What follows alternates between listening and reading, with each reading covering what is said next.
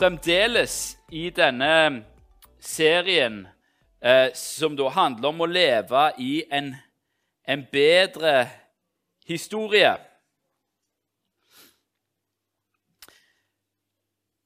Eh, og eh, det har kanskje ikke virka som en bedre historie de siste gangene, eh, siden Magnus har formidla så grundig om hva synd er for noe. Men det er viktig, faktisk essensielt, at vi får et så riktig bilde av synd som mulig. Sånn at vi kan ta alvoret i synd og syndens konsekvens innover oss, i stedet for å bagatellisere det. Det er ofte det vi mennesker gjør. Vi, vi bagatelliserer våre egne synder, og så, og, og så gjør vi andre synder større enn det de er. Eh, Det er ofte en sånn tendens vi gjør. at vi, Mine synder ja, det er jo bare, Jeg hadde jo god grunn, og det var jo litt sånt, og jeg mente det ikke sånn. Mens andre folks synder, de er liksom Fy, for en person! Men når vi ser alvor i synden og vår egen synd, det er òg da først at vi kan gripe med begge hender den gaven som Gud har gitt oss i Jesus Kristus. Så Derfor skal vi de neste søndagene se på Guds løsning på menneskenes store problem. Så det er jo et privilegium å få lov til å innlede den. Jeg skal begynne med å be litt. Kjære Jesus, jeg, jeg, takker deg, Herre, for ditt ord. Jeg ber om at du må komme og være med meg i dag. Eh, du ser at jeg ikke er helt på, på topp, men det er du, Jesus. Og jeg ber om at, eh, at du skal formidle din vilje og hvem du er eh, gjennom det som skal forkynnes her i dag. Amen. Amen.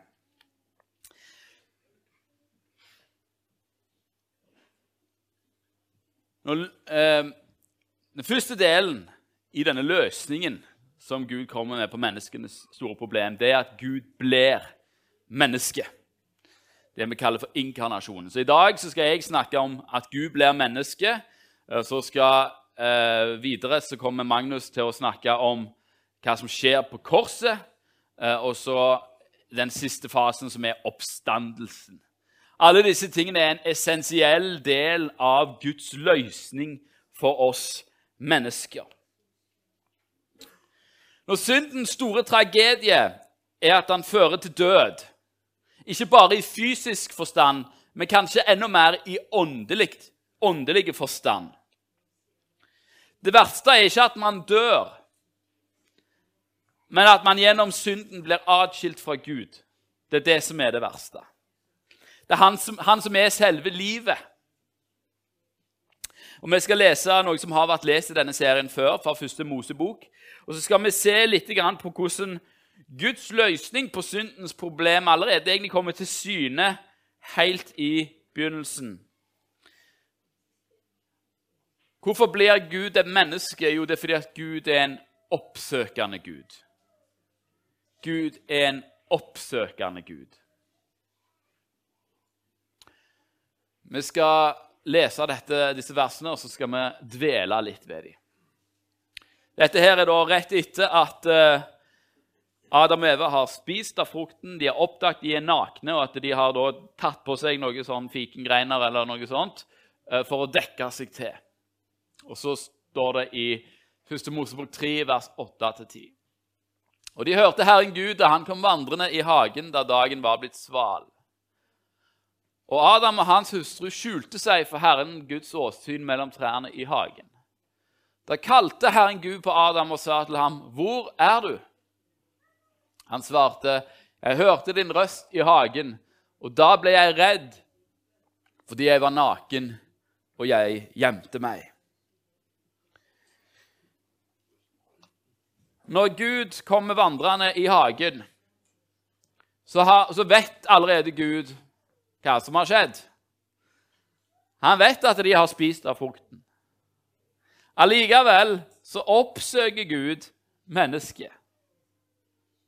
Ser dere kontrasten her mellom Guds reaksjon på synd og menneskets reaksjon på synd? Gud oppsøker dem. Han kaller på dem. Gud kaller på Adam. 'Hvor er du?' Hvor er du? Han vet at Adam og Eva falt i synd. Allikevel så sier Gud, 'Hvor er du?' Vi har med en oppsøkende Gud å gjøre.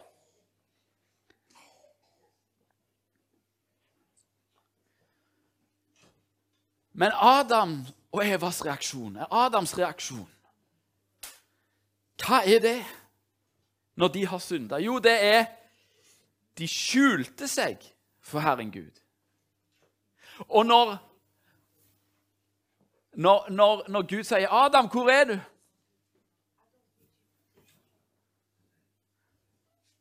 Så sier han at 'jeg ble redd når jeg hørte at du kom'. Jeg ble redd når du hørte at jeg kom, og så gjemte jeg meg.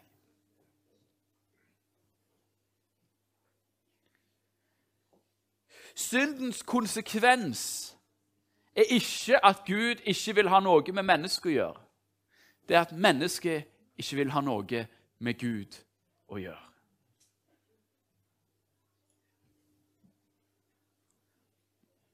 Hvorfor det? Fordi syndens første konsekvens, før døden, så er det skam og frykt. Skam og frykt. Jeg er naken. Det er det som de oppdager. Jeg er naken. Jeg, jeg må skjule meg. Jeg skammer meg over den jeg er. Når Gud skapte oss ikke til skam Han skapte ikke deg for at du skulle skamme deg. Men synden fører til skam.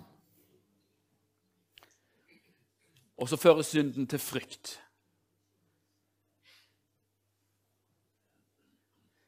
Gud oppsøker mennesket, og mennesket skjuler seg. Fordi man skammer seg over den man er, så er man redd for å stå i nærheten til Gud. Fordi man har synda, så ønsker man å skjule seg. Man frykter det som er hellig. Og så skjuler man seg. Som eh, kristne, i hvert fall i, i vår tid, så blir vi ofte beskyldt for å påføre mennesker skam. Fordi vi snakker om synd, snakker om en Gud som dømmer, skal dømme rettferdige og døde, og at det påfører mennesker skam. Um, Jesus påfører ingen skam. Mennesker påfører hverandre skam. Og, og, og, Hvis du går og, og ser på, på, på uh, all skam som har påført òg i kristne sammenhenger For det, det, må vi innrømme. ja, Det har skjedd i kristne sammenhenger. Og, kanskje har jeg òg vært med å bidra til å påføre mennesker skam. Så er det synd som påfører mennesker skam. Både deres egen og andres synd. Syndige handlinger fører til skam. Og Du kan ta Gud ut av likningen. Selv de som ikke tror på en Gud, kjenner på skam.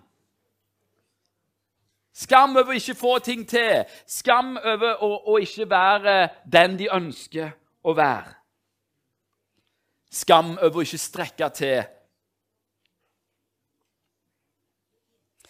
Men sannheten er jo at eh, skammen blir jo Hvor blir skammen mest synlig? Jo, det blir jo mest synlig i møte med Gud. Når jeg skjuler meg og rømmer vekk og gjør et eller annet, så kan jeg glemme skammen. Jeg kan skjule skammen. Men det er ikke mulig å skjule verken min synd eller min skam i møte med Gud. Derfor er det skummelt. Derfor er det skummelt. Vi sier ofte at uh, Guds hellighet ikke tåler synd. Og så er det egentlig motsatt. Det er synden som ikke tåler Guds hellighet. Derfor vil han flykte fra ham. Du vet, Loven I Gammeltestamentet var det en hel haug med renselsesritualer som mennesker måtte gå igjennom før de kunne nærme seg Gud. det var ikke for at Gud ikke skulle bli skitten. Gud kan ikke bli skitten. Det var for at de ikke skulle dø. Fordi synd som kommer i kontakt med hellighet, forvitrer.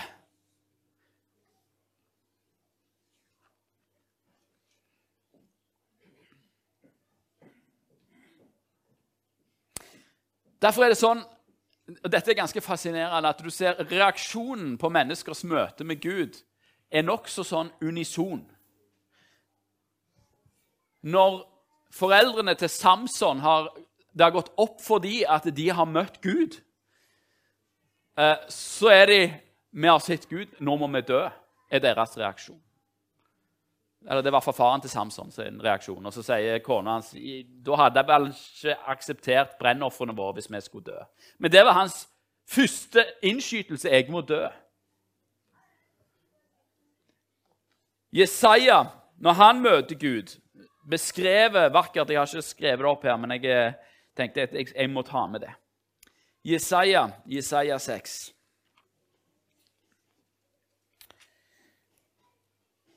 Jesaja 6, vers, vers 5.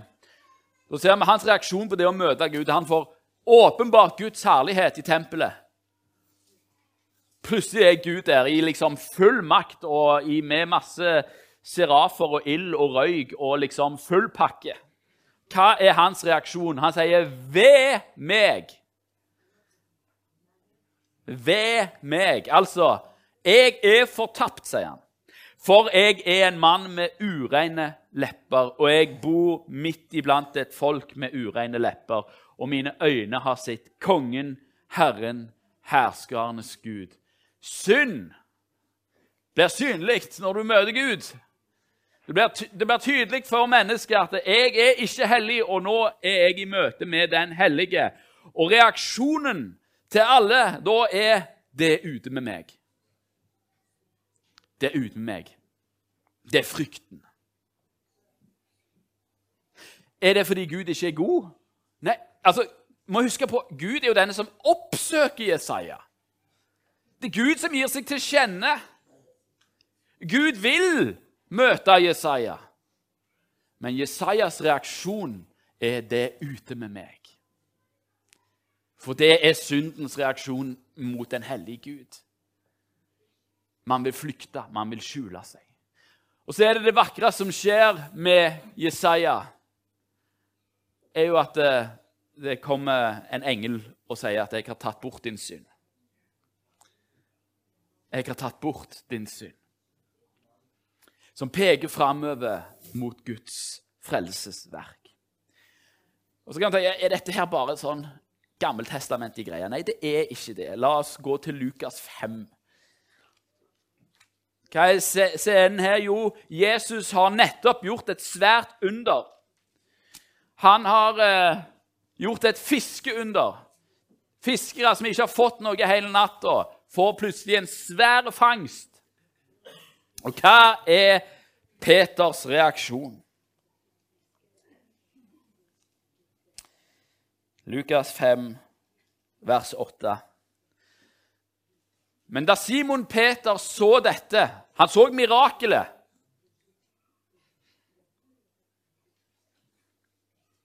Så falt han ned for Jesu knær og sa, 'Herre, gå fra meg, for jeg er en syndig mann.'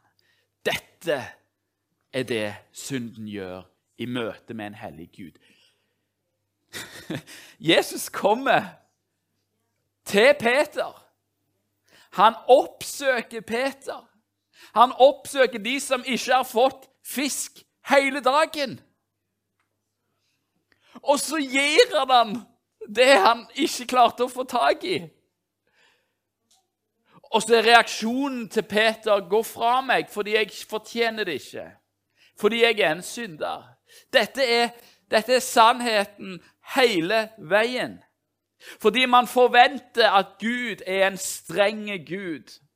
Det er synden som gjør Gud til en streng Gud. Det er synden som gjør Gud til en sånn en Gud. Det er ikke Gud som gjør det. Men i alle disse eksemplene så er Gud den oppsøkende. Gud står sånn. Han har alltid stått sånn. Han kaller alltid på mennesker. Men så er det menneskets synd som gjør at man ikke klarer å forholde seg til det. Som gjør at man blir redd og frykter. Men Jesus sendte ikke Peter vekk. Nei, han forvandla livet hans. Mm. Etter et En av kongene i Israel han, eh, Jeg husker ikke hvilken det var, om det er kong Asa eller, eh, eller en av de andre. Han, han har vært i krig mot et eller annet folkeslag, og så har han for å vinne dette her, så har han prøvd å alliere seg med folk. og det er liksom alliere seg med folk som ikke er Gud. Han, han ser bare rundt seg. Han prøver å finne løsninger i det politiske landskapet istedenfor å se oppover. Og så får han beskjed om at det, det kommer ikke til å lykkes for deg. Hvorfor ser du ikke opp til meg? Og Da kommer dette verset, som igjen viser Guds motiver. For Herrens øyne farer over hele jorden. Je, altså, Gud er på, på leit for kraftig å støtte dem som er helt med ham i sitt hjerte. Hva er problemet, da? Det er ingen mennesker som er hele med han i sitt hjerte. Det er det som er problemet. Du vet, Man skulle jo trodd at eh, når mennesket ble atskilt fra Gud, så var det menneskets prioritet nummer én å oppsøke Gud, banke på hos Gud, lete etter Gud, prøve å finne en vei inn. Men det er jo ikke det. Mennesker er ikke opptatt med å finne Gud. De er opptatt med å være Gud. Det er det som er problemet.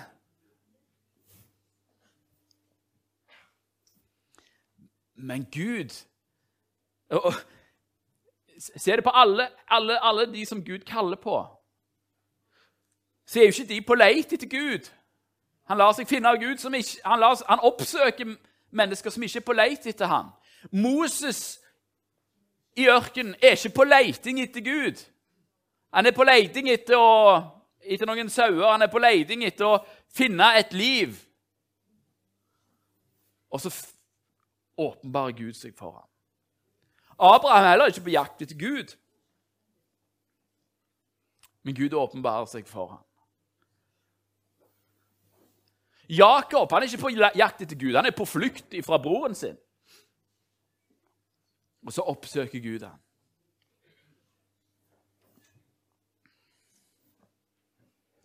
Disiplene springer ikke til Jesus, det er Jesus som kommer til dem. De er opptatt med sitt. Så kommer Jesus.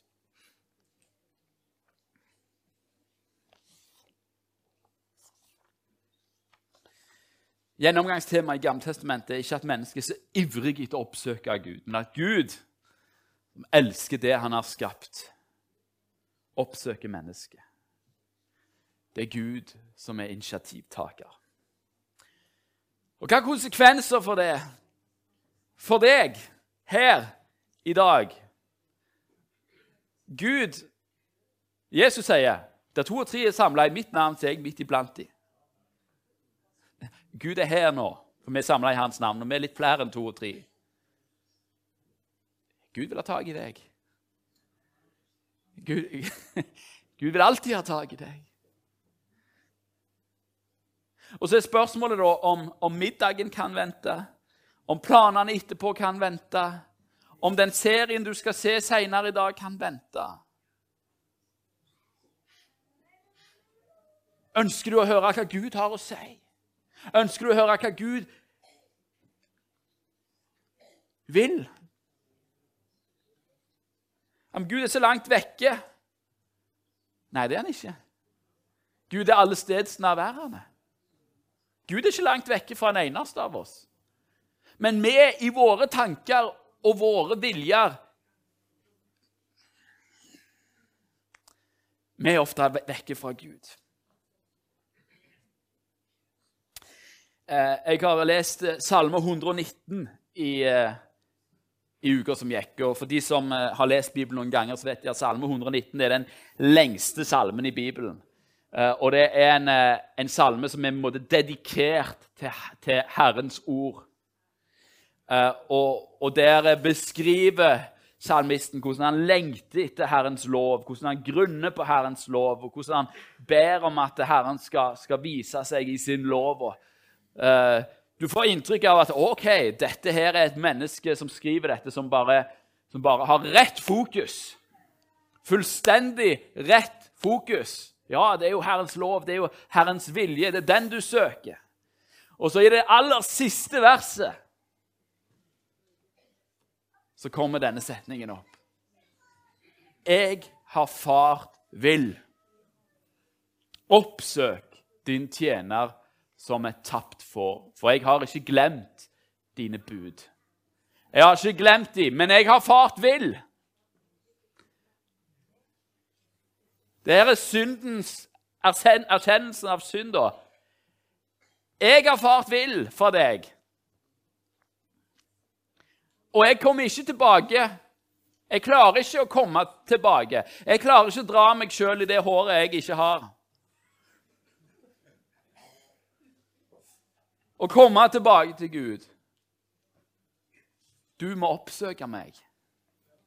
Det er min bønn at du oppsøker meg.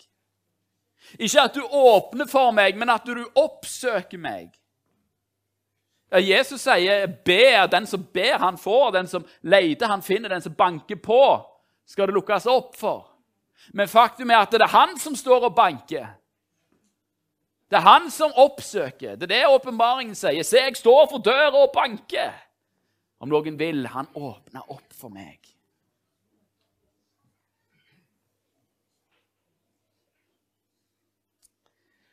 Bønnen fra salmisten er oppsøk din tjener.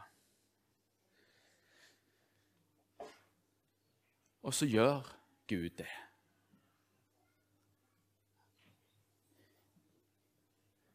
Du vet eh, eh, Når Jesus blir, når Gud blir menneske i Jesus Kristus, så viser Jesus oss hvem Gud er. For alle har hatt den forestillingen av den strenge Gud som ikke tåler synd. Som for så vidt er sant. Ja, han er en hellig, rettferdig Gud. Men det er synden som ikke tåler Gud. Gud, Gud er ikke hmm, Så jeg må forklare dette. Gud trekker seg ikke vekk fra mennesket fordi han syns at synd er noe ekkelt. Han er ikke sånn 'Øh, det der vil ikke jeg ta i'. Han trekker seg vekk fra mennesket fordi mennesket frykter pga. synd. Han respekterer menneskets avgjørelse. Ser dere forskjellen? For vi har ofte et bilde av at Gud er en sånn snerpete Gud som øh, Synd, æsj, ekkelt.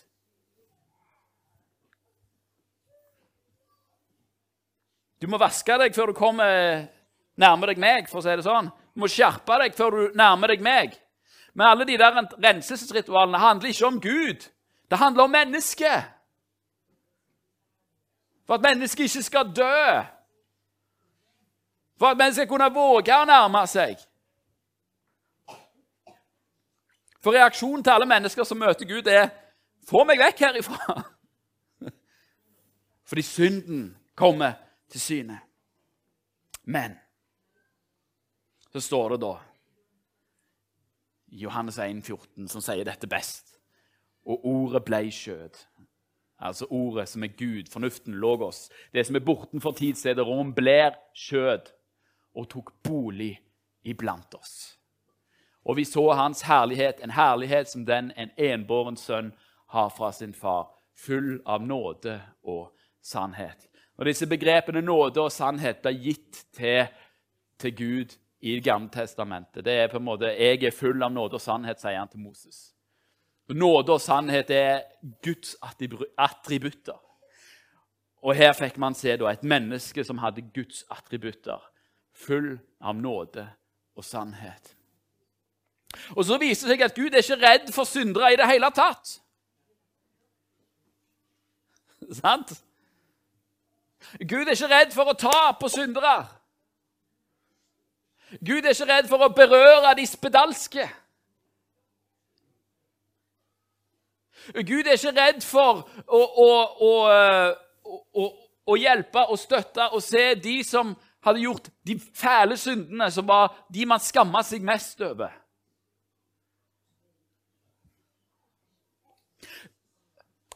Sånn har Gud alltid vært, by the way.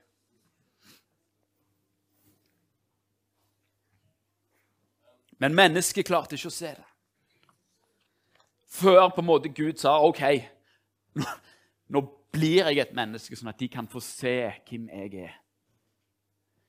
Jesus viser menneskene hvem Gud er.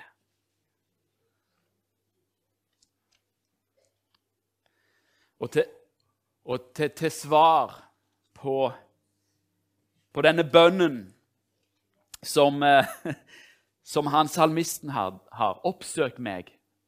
Oppsøk meg, Gud, for jeg har gått vill. Så står det i Lukas 19, 10, så sier Jesus, for menneskesønnen er er kommet for å søke og frelse det som var fortapt. Search and rescue heter det på redningsspråket. Det er det, det er det sånne redningshelikopter gjør. Search and rescue. De leter etter folk som er i trøbbel, og så finner de dem, og så redder de dem. Det var Jesus sitt oppdrag. Search and rescue. Det er fremdeles Jesus sitt oppdrag. Oppsøke og frelse det som var fortapt. Når dette ordet, det Jesus sier her, er satt i en kontekst I Lukas, når han sier dette, så har han nettopp vært på besøk hos Sakkeus. Som har vært han, eh, han som, eh, han som stjal og utnytte de fattige. Synder med stor S. Og så et møte med Jesus og forvandler livet hans. Han gir tilbake alt det han har tatt fra folk. Hvorfor det? Jo, fordi menneskesønnen har kommet for å søke og frelse det som var fortapt. Han kom for Sakkeus. Dette, dette, verset står òg i, i, Lukas, nei, i Matteus. Og der kommer den rett før Jesus forteller lignelsen om sauen som har gått seg vill. På samme måte som han forlater de 99 for å finne den ene. Gud oppsøker mennesker. Gud oppsøker mennesker. Gud er på oppdrag i dag. Han er her for å oppsøke deg. Han har lyst til å finne deg fordi han har lyst til å være med deg. Han, har, han lengter etter det fellesskapet. Jesus kom for å vise oss hvem Gud er, og han eksemplifiserer hvem Gud er gjennom hans oppdrag, som er å søke og frelse det som er fortapt. Det er Guds oppsøkende kjærlighet. Han gir ikke opp. Men så er det òg sånn at Jesus ikke bare kom for å vise oss Guds natur, men han kom òg for å vise mennesket hva mennesket er. For Jesus er fullstendig Gud og fullstendig menneske. Og så viser han oss hva det vil si å være et fullkomment menneske. Og eh, Hebreerne 4 den, eh, den sier dette så bra. Dette snakkes om Jesus, som er på en måte vår ypperste prest. For vi har ikke en ypperste prest som ikke kan ha medlidenhet med oss i vår skrøpelighet, men en som er prøvd i alt, i likhet med oss, men uten synd. Jesus levde menneskelivet sånn som menneskelivet skal leves. Eh, dere som er foreldre, er det, har dere bedt ungene deres som må gjøre noe noen gang, og så bare tuller de det til. Og så tenkte dere ja, ja, Jeg får gjøre det sjøl, da. Det er det Gud gjør. Han hadde gitt mennesket et oppdrag, og mennesket feila. Og så sier Gud OK, jeg vet at de har feila. De vet at de ikke får det til. Jeg får gjøre det for dem. Så Gud blir menneske, og så viser han hvordan et menneskeliv skal leves. Og på grunn av det konkluderer hebreerbrevets forfatter. Så la oss derfor med frimodighet tre fram for nådens trone, for at vi kan få miskunn og finne nåde til hjelp i rette tid. Altså ikke i frykt nærmer seg nådens trone. Ikke i redsel, ikke i skam, men med frimodighet. Hvorfor kan vi nærme oss Gud med frimodighet? Jo, fordi vi kan se oss sjøl Når vi tar imot Jesus, så flytter Jesus inn. Og det Jesus har gjort, blir gjeldende for meg. Derfor kan jeg nærme meg Gud som om jeg var Jesus sjøl. Og når Jesus ser sin far, så er det ingen frykt, og det er ingen skam. Og Sånn kan du òg relatere til Gud. Uten frykt og uten skam. For din skam er dekt i Jesu blod. Og din frykt Frykt har med dom å gjøre. Din frykt er tatt, tatt hånd om på korset. Ja, du er jo allerede dømt. Jesus har, dømt, har tatt dommen. Derfor kan vi med frimodighet tre fram for nådens trone. Gud visste at menneske, ingen mennesker kunne leve opp til hans standard. Han visste det når han ga loven, at ingen mennesker kunne holde den. Og faktisk Når du leser loven, så forutsetter loven synd. For mesteparten av loven handler om forskjellige ofringer du skal gjøre for din synd. Men når Gud blir menneske i Jesus Kristus, så er det for å leve det livet som vi ikke kunne leve. Jesus, Jesus viser oss hvem Gud er, men han viser oss òg hva det vil si å være et fullkomment menneske. Og ingen eh, plass å eksemplifisere Jesus hva det vil si å være et fullkomment menneske, enn i Getsemane. Og Getsemane er en hage. Og På samme måte som eh, Adam og Eva falt i en hage, så ble Jesus satt på den siste ultimate testen i en hage. Og Der står det at han sliter seg fra disiplene sine. Han slet seg fra dem omtrent så langt som et steinkast. Og der falt han på kne, ba og sa, 'Far, om du vil, så la dette begeret gå meg forbi.' 'La meg slippe å drikke denne dommen.' 'La meg slippe å gå til korset.' Jesus viser hva som er menneskets ønske. 'Jeg har ikke lyst til å dø, jeg har lyst til å leve.' Det er min vilje.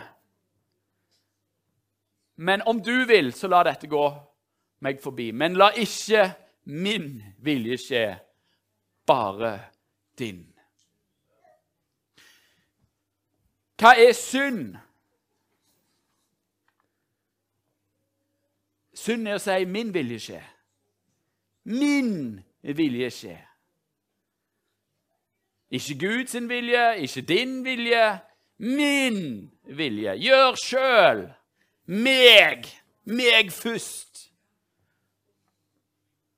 Men Jesus viser hva mennesket var meint å si. Hva som er meningen. Hvordan, det er, hvordan kan man leve som et fullkomment menneske? Jo, det, det er det mennesket som sier om du vil Du ser hva jeg vil, men bare, du, bare din vilje. La ikke min vilje skje, bare din. Og så passerer Jesus testen, og så går han til korset for oss alle. Og Da sier filipperne 2, 5-11.: La dette sinn være i dere, som òg var i Kristus Jesus. Han som da han var i Guds skikkelse, ikke holdt det for et røvet bytte å være Gud lik, men uttømte seg selv i det han tok en tjeners skikkelse på seg da han kom i menneskers liknelse. Og Da han i sin ferd var funnet som et menneske, fornedret han seg selv og ble lydig til døden, ja, døden på korset. Derfor har også Gud høyt opphøyet ham og gitt ham det navnet som er over alle navn. For at i Jesu navn skal hvert kne bøye seg, dere som er i himmelen og på jorden og under jorden. Og hver tunge skal bekjenne at Jesus Kristus er Herre, til Gud Faders ære. Disse versene er en komprimert form av det Jesus har gjort for oss. Det står at eh, han ikke holdt det for et røva bytte å være Gud lik. Det betyr at eh, det å være Gud lik var ikke noe Jesus hadde oppnådd. Det var ikke noe som han hadde tilrana seg. Det var den han var. Han var gudlik. Men så uttømte han seg sjøl. Ga seg sjøl. Uttømte seg sjøl. For det er, den, det er sånn Gud er. Han uttømte seg sjøl for deg. Og så tok han på seg en tjeners skikkelse. Han som er kongenes konge, herrenes herre, ble en tjener. For å vise mennesket at det er ingenting foraktelig i å være en tjener. Det er ingen foraktelig i å tjene andre mennesker. Og så ble han lydig til døden på korset. Han kom fra det høye, og så har han sunket så djupt ned og tatt på seg all synd og fordervelse og alt. Derfor har han fått det navnet som er over alle andre navn. Han kom fra det høyeste og gikk til det dypeste. Derfor har han fått det høyeste av alle navn.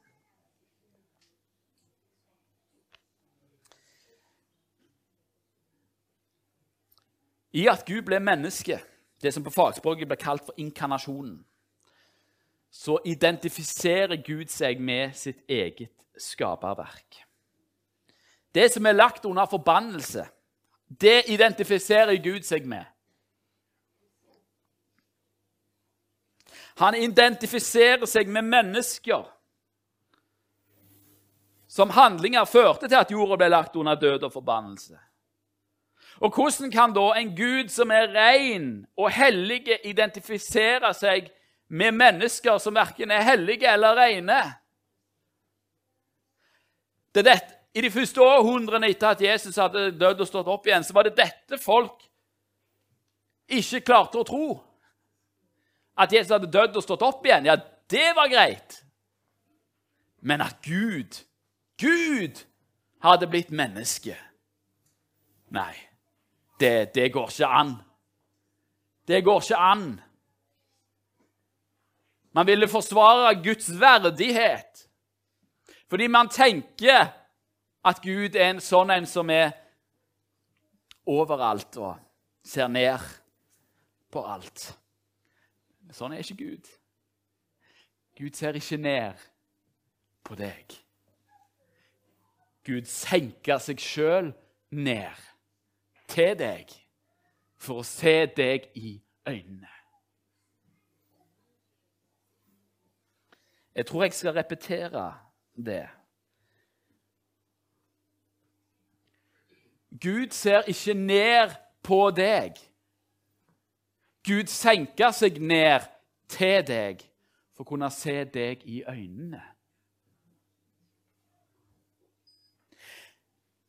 Det paradoksale med synd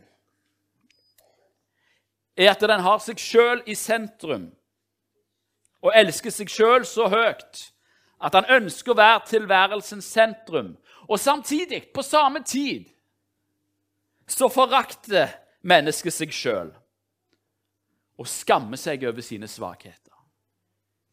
Hvem av dere er det som ikke på et eller annet tidspunkt har kjent på forakt over dere sjøl? Og det er uansett Spør en hvem som helst person. Er du stolt av deg sjøl? Noen vil kanskje da liksom Ja, yes, jeg er stolt av meg sjøl. Stolt av det jeg har fått til. Stolt av det jeg har fått til. Yes, jeg har gjort dette, gjort dette, gjort masse bra. Går du bare litt grann under overflaten, og så ser du sjølforakten. Sjølforakten. Jeg kjenner på det. Hvorfor kan jeg ikke klare? Hvorfor får jeg ikke til? Så pisker jeg meg sjøl.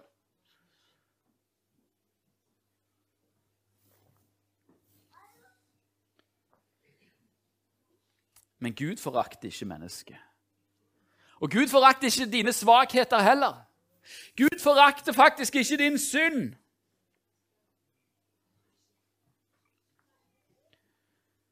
Men ved å bli menneske så viser Gud at du har verdi. Det er faktisk verdt å være menneske. Det er verdt å være deg.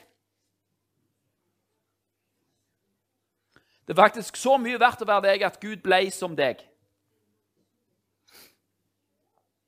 Du er skapt i Guds bilde, midt i alle dine svakheter. Midt i all din synd så er du skapt i Guds bilde. Og så er det det store spørsmålet hvorfor forakter du da deg sjøl? Hvem er du til å forakte det Gud har skapt? Hvorfor forakter du som, det som Gud har skapt? Og Vi lever jo i en tid som er full av kroppshysteri, der folk vil endre på kroppene sine. og ikke er fornøyd med seg sjøl. Det er jo ikke noe nytt. Det er, altså, det er jo speil, speil på veggen der. Hvorfor forakter du deg som Gud har skapt? Hvorfor sier du at det er stygt, det som Gud kaller vakkert? Problemet her er jo ikke Gud.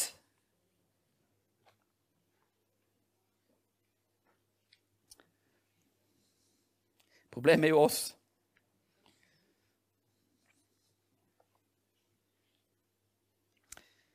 Gud ble som deg for å fri deg ut fra all synd, sånn at han kan være hos deg for alltid. Gud forakter ikke deg. For Det som var umulig for loven, sier Roman 8, 3-4. Fordi det var maktesløst pga. skjøtet.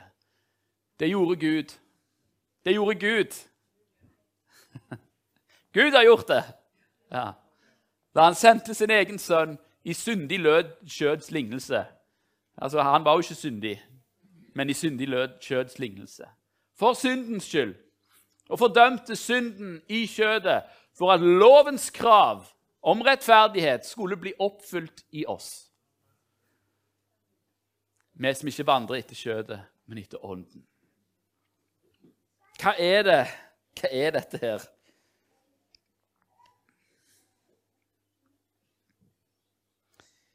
Ja, han har gjort det.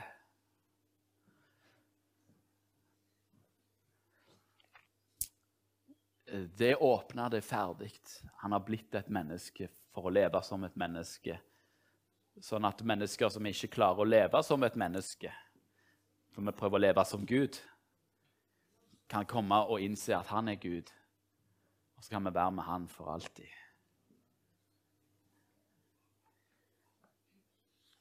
Gud er ikke den som påfører mennesket skam.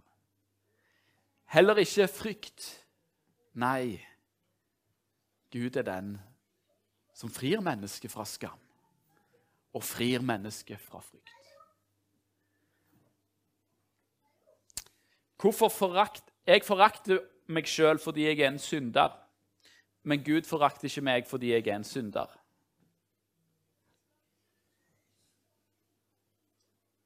Og hvis vi kan lære av dette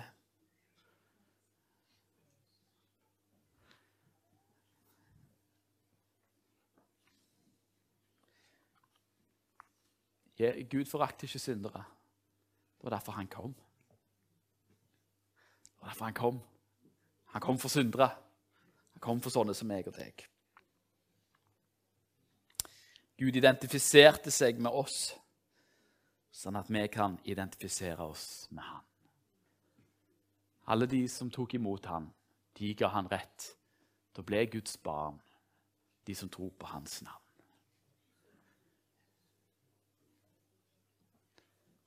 Du trenger ikke være redd for din himmelske far. Ja, Men han er jo Gud. Han er jo dommer. Han er jo hevner over urettferdighet og synd. Ja, han er det.